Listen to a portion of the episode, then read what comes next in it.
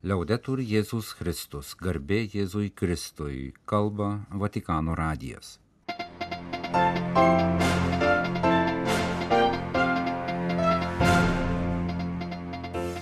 Malonus klausytojai šioje sekmadienio rugsėjo 10 programoje. Popiežius Pranciškus sekmadienio vidudienio apmąstymę ragino visuomet ieškoti gėrio kelio. Po maldos Pranciškus kvietė sekti palaimintosios Ulmų šeimos pavyzdžių, kaip siekti gėrio.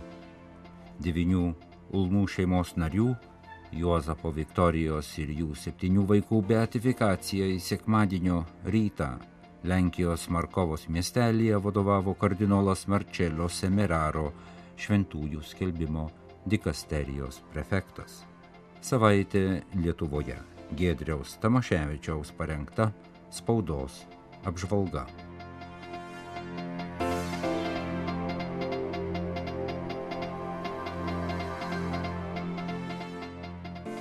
Popiežius Pranciškus 23 liturginių metų sekmadienį kvietė pamastyti apie broliško įspėjimo svarbą, apie kurį Jėzus kalba savo mokiniams šios dienos mišių Evangelijos pagal šventąjį matą skaitinyje.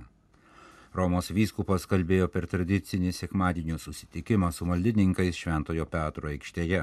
Oggi il Vangelo ci parla di correzione fraterna, che è una delle espressioni più alte dell'amore e anche delle più impegnative. Pasak Pranciškaus, broliškas įspėjimas yra viena iš kilniausių meilės išraiškų, bet ir viena iš labiausiai įpareigojančių. Kai tikėjimo brolis tau nusikalsta, jam padėk, be pykčio pataisydamas. Se tuo fratello commetterà una colpa contro di te, va ammoniscelo fra te e lui Jei tavo brolis tau nusikalstų, eik ir bark jį prie keturių akių. Padėk jam suprasti, kur suklydo. To reikia dėl jo gerovės. Reikia pasakyti, nesidrovint, tiesiai šviesiai, tačiau romiai ir mandagiai. O kas jei to neužtenka, jei jis nesupranta? Tada reikia kitų pagalbos. Bet ne iš tų, kurie mėgaujasi apkalbomis. Apkalbos yra maras žmonių ir bendruomenės gyvenimui. Gesù dice prendi con te una o due persone, intendendo persone che vogliano davvero dare una mano a quel fratello. Jėzus nurodė pasiimti su savimi dar vieną ar du, turėdamas omenyje asmenys, kurie nuoširdžiai nori padėti klystančiam broliui ar seseriai. O kas tada, jei jis ar ji ir jų nepaklausytų? Jėzus siūlo įtraukti bendruomenę. Bet tai reiškia ne linčio teismą, viešą sugėdymą, o visų bendras pastangas padėti. Puntare il dito contro non va bene, anzi spesso rende più difficile per chi ha sbagliato riconoscere il proprio errore. Negerai badyti pirštu, nes dažnai tai dar labiau apsunkina klystančiajam suprasti savo klaidą. Bendruomenė privalo jam ar jai padėti suprasti, jog kai ir smerkia klaidą, ji užtaria malda ir meilę, visuomet pasirengusi atleisti ir pradėti iš naujo. Romos vyskupas paragino kiekvieną susimastyti apie tai, kaip jis elgėsi su tais, kurie klysta, ir kvietė kliautis Jėzaus motiną Mariją. Maria che ha continuato ad amare pur sentendo la gente condannarlo al suo figlio, ci aiuti a ricercare sempre la via del bene. Marija, kuri mylėjo, nors matė, kaip žmonės pasmerkė jo sūnų, te padeda ir mums visuomet ieškoti gėrio kelio. Desidero esprimere la mia vicinanza al caro popolo del Marocco, colpito da un devastante terremoto. Popiežius sekmadienį po vidudienio maldos palaiminimo užtikrino artumą ir maldą stipraus žemės drebėjimo ištiktiems Maroko gyventojams. Paminėjo Lenkijoje sekmadienį palaimintaisiais paskelbtą Ulmų šeimą, jos užtarimui pavedė nuo karų kenčiančius kraštus, įsakmei paminėjo Ukrainą. Ir pasveikino Etijopijos gyventojus rugsėjo 12 dieną švesenčius naujuosius metus. Paminėjęs Ulmų šeimos, Jozapo Viktorijos ir jų septynių vaikų beatifikaciją sekmadienį Lenkijoje, Pranciškus palinkėjo, kad per antrąjį pasaulinį karą nacijų už persekiojamų žydų gelbėjimą nužudyta Ulmų šeima visiems taptų pavyzdžių, kaip siekti gėrio ir tarnauti stokojantiems. Oggi a Markova in Polonia sono stati beatificati i martiri Giuseppe e Vittoria Ulma con i loro sette figli, bambini. All'odio e alla violenza che caratterizzarono quel tempo, essi opposero l'amore evangelico. Ulmų šeima evangelinę meilę priešinosi tiems laikams būdingai neapykantai ir smurtui. Ši Lenkų šeima kuri buvo tarsi šviesos spindulys antrojo pasaulinio karo tamsoje, visiems mums te būna sektinas pavyzdys, kaip siekti gėrio ir tarnauti stokojantiems. Pagal jų pavyzdį jauskimės pašaukti priešintis ginklų jėgai, meilės jėga, smurto retorikai atkaklia malda. Facciamolo soprattutto per tanti paesi che soffrono a causa della guerra. Tai darykime ypač už daugelį kraštų, kurie kenčia dėl karo. Qui penso in modo speciale, intensifichiamo la preghiera per la martorata ucraina, ci sono le bandiere lì di Ucraina che sta soffrendo tanto, tanto. Ypatingai menu ir prašau suintensyvinti maldą už kenčiančią Ukrainą, sakė popiežius atkreipęs dėmesį ir į Ukrainos vėliavos Šventojo Petro aikštės minioje. Vėliavos Ukrainos, kuri labai, labai kenčia, pažymėjo Romos vyskupas Pranciškus. Šventųjų skelbimo dikasterijos prefektas kardinolas Marčelio Semeraro sekmadienio rytą pietryčių Lenkijos Markovos miestelėje paskelbė palaimintaisiais devinių asmenų šeimą - Juozapą ir Viktoriją Ulmas bei septynis jų vaikus. Nacijų nužudytus 1944 metais už tai, kad savo namuose slėpė persekiojamus žydų tautybės žmonės. Beatifikacijos mišes kartu su kardinolu koncelebravo dešimtys vyskupų ir šimtai kunigų iš visos Lenkijos ir kitų šalių, taip pat iš Lietuvos iškilmės renginiuose, prasidėjusiuose jau šeštadienį ir sekmadienio ryto mišiuose dalyvavo daugiau kaip 20 tūkstančių žmonių. Antrojo pasaulinio karo metais Ulmų šeima savo ūkiją slėpė aštuonis žydus - Goldmanų, Grünfeldų ir Didnerių šeimų narius.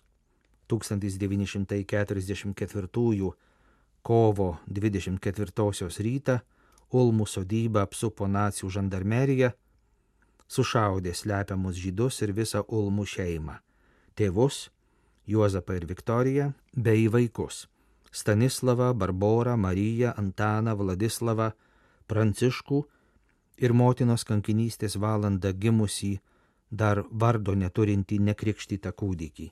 Pastaroji aplinkybė sukėlė prieštaringų interpretacijų. Pasak vienų kūdikis dar nebuvo gimęs ir dėl to beatifikacija išaukština negimusios gyvybės vertę. Pasak kitų, nekrikštytas žmogus neturėtų būti skelbiamas palaimintoju. Prireikė šventųjų skelbimo dikasterijos patikslinimo. Rugsėjo penktą dieną paskelbtoje notoje sakoma, kad septintasis šeimos vaikas gimė motinos kankinystės valandą. Jis irgi yra kankinys, kaip visi kiti šeimos nariai. Per kankinystę jis buvo pakrikštytas kraujo krikštu. Ulmų šeimos herojiška kankinystė - tai labai svarbi pamoka mūsų laikų žmonėms. Ši šeima paukojo savo gyvybės gindama ne tik tuos aštuonis žydų tautybės žmonės, bet gindama žmogų kaip tokį, gindama žmogiškumą. Apie sekmadienio beatifikaciją kalbėjo Lodzės arkivyskupas būsimasis kardinolas Gžegožas Riš. Pasak jo, Negalima leisti, kad šios šeimos herojiška kankinystė būtų pajungta politizuotam istorijos interpretavimui. Reikia sažiningo santykio su savo istorija. Iš tiesų, sakė vyskupas, nei bažnyčiai, nei tautai, nei jokiai žmonių bendruomeniai istorinė tiesa niekada nepakenks. Mūsų praeitie yra ir to, kas gražu ir kilnu, ir to, kas smerktina. Turime Ulmų šeimą, bet turime ir ją išdavusi žmogų. Negalime sakyti, kad tik Ulmų šeima priklauso mūsų istorijai, o išdavikas ne. Panašiai tęsė vyskupas, labai graži iniciatyva yra planuojama Ulmų šeimos relikvijų pilgrimystė po visą Lenkiją. Tačiau negalime užmiršti, kad pagarbos nusipelno ir kartu su Ulmų šeima nužudytų žydų palaikai. Jų kapas taip pat reikalauja maldos ir pagarbos. Rugsėjo 7 dieną Šilovoje įvyko nacionalinė mokslinė praktinė konferencija Religijos sąžinės, žodžio laisvė ir jos ribos - Šiluvos deklaraciją apmastant. Vilniaus arkivyskupas Gintaras Grušas, sveikindamas konferencijos dalyvius, kvietė prisiminti pranašiškus popiežiaus Jono Pauliaus antrojo žodžius, ištartus jam lankantis Lietuvoje. Jonas Paulius II atvyko į Lietuvą, kurios visuomenė buvo pasidalijusi, dažnai linkusi skirstyti savo narius į geriečius ir blogiečius. Popiežius atkreipė į tai dėmesį, kalbėdamas Lietuvos dvasininkijai. Tikimės, kad jūs kantrė meilė ir apaštuoliškuoju įkarščiu padėsite atkurti savosios šalies visuomeninę ir žmogiškąją darną Jums te nebūna nei nugalėtojų, nei pralaimėjusiųjų, o vien tik vyrai ir moterys, kuriems reikia padėti išsivaduoti iš klaidų. Te būna vien žmonės, kuriems reikia padėti išsivaduoti iš prievartos, smurto, žmogaus teisų išniekinimo, taip pat ir psichologinių to padarinių. Popiežių Joną Paulių II citavo Vilniaus arkivyskupas. Gintaras Grušas taip pat išskyrė Jono Pauliaus antrojo žodžių apie Kristaus ramybę reikšmę ir kvietė sekti pirmosios krikščionių bendruomenės pavyzdžių. Kristaus sekėjai pagonišką Romos imperijos visuomenę keitė pirmiausia savo pavyzdžių. Tai buvo bendruomenė, į kurią žvelgdami pagonys matė, kaip jie vienas kitą myli. Ši bendruomenė rūpinosi apleistais vaikais, paliktais mirti pakelėse, Ši bendruomenė atsisakė kelti ranką prieš gyvybę, žudyti kūdikius. Ji rodė naują krikščioniškos šeimos pavyzdį. Ši bendruomenė ėmė rūpintis ligoniais ir vargšais. Kokį pavyzdį rodome mes, kaip katalikų bendruomenė šiandien? Ar girdisi mūsų balsas, o dar svarbiau, ar matomi mūsų veiksmai, siekiant saugoti gyvybę, stiprinti šeimas? Pasaulio dvasia siekia iš mūsų atimti drąsą veikti ir kalbėti, tačiau jei Jėzus Kristus ir jo teikiama ramybė yra mūsų gyvenimo ir veiklos pamatas, mums nėra ko bijoti. Kalbėjo arkivyskupas Gintaras Grušas, sveikindamas Šiluvoje vykusios konferencijos dalyvius. Visas jo kalbos tekstas skelbiamas internetinėme Vilniaus arkiviskupijos puslapyje.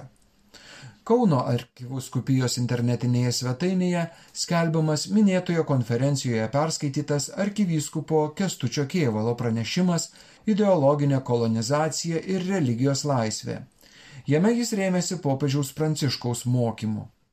Nuo savo pontifikato pradžios popiežius Pranciškus įspėja apie ideologinės kolonizacijos grėsmes.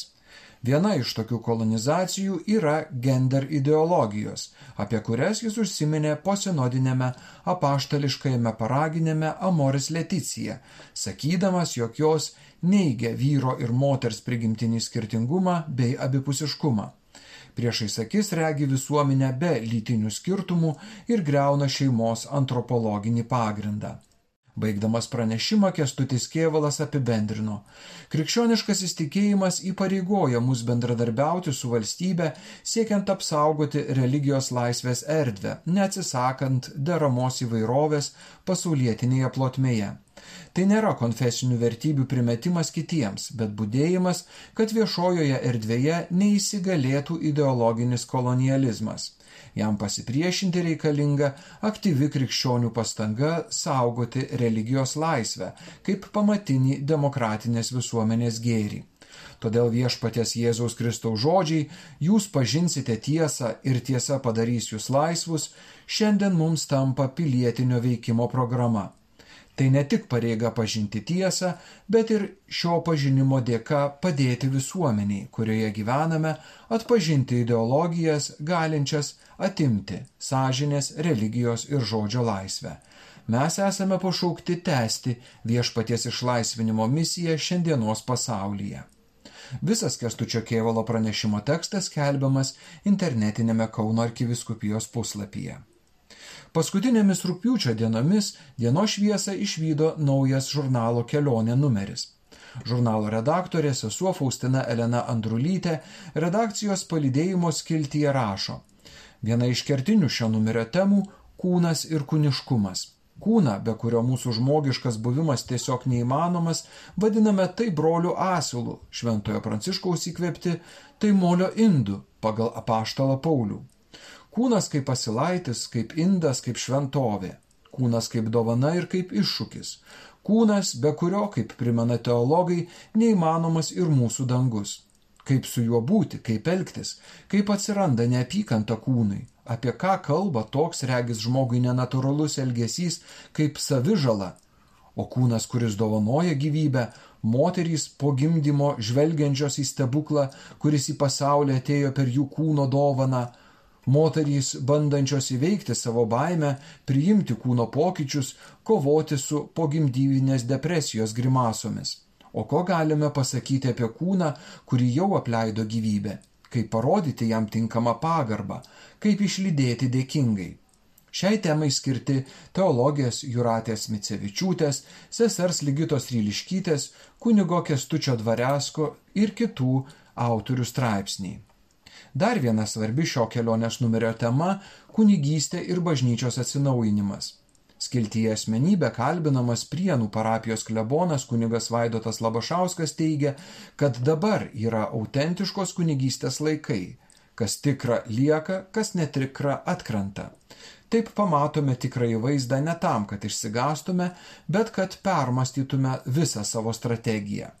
Dar vienas dvasininkas, sakantis, jog dabar itin svarbu peržiūrėti pamatinius dvasininkijos veikimo principus, dominikonas Jokūbas Marija Goštautas. Savo tekste Bažnyčios persikrovimo scenarijus nuo individo prie asmens jis teigia, kad bažnyčioje nebeužtenka daryti mažus kosmetinius remontus, siekiant išsaugoti tai, kas byra, bet čia itin reikalinga esminė slinktis nuo individo prie asmens. Skiltyje tarnystė pristatomi jau daugiau nei 30 mečius Lietuvos radijoje eteryje skambančių mažosios studijos laidų kuriejai. Straipsnėje taip pat aptariama, kuo toks ilgamžiškumas yra išskirtinis ne vien katalikiškai Lietuvo žiniasklaidai. Žurnalo kelionė skaitytojų taip pat laukia kunigo Kestučio Dvarecko, teologo Valdo Matskelos, jezuito Mindaugo Malinausko, Benedikto Kazimiero Milaševičiaus straipsniai ir kiti aktualūs tekstai. Gedrius Tamaševičius, Vatikano radijui iš Vilniaus.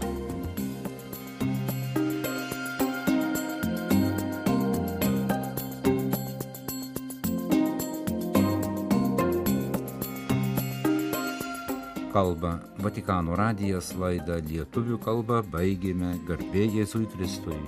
Liaudetur Jėzus Kristus.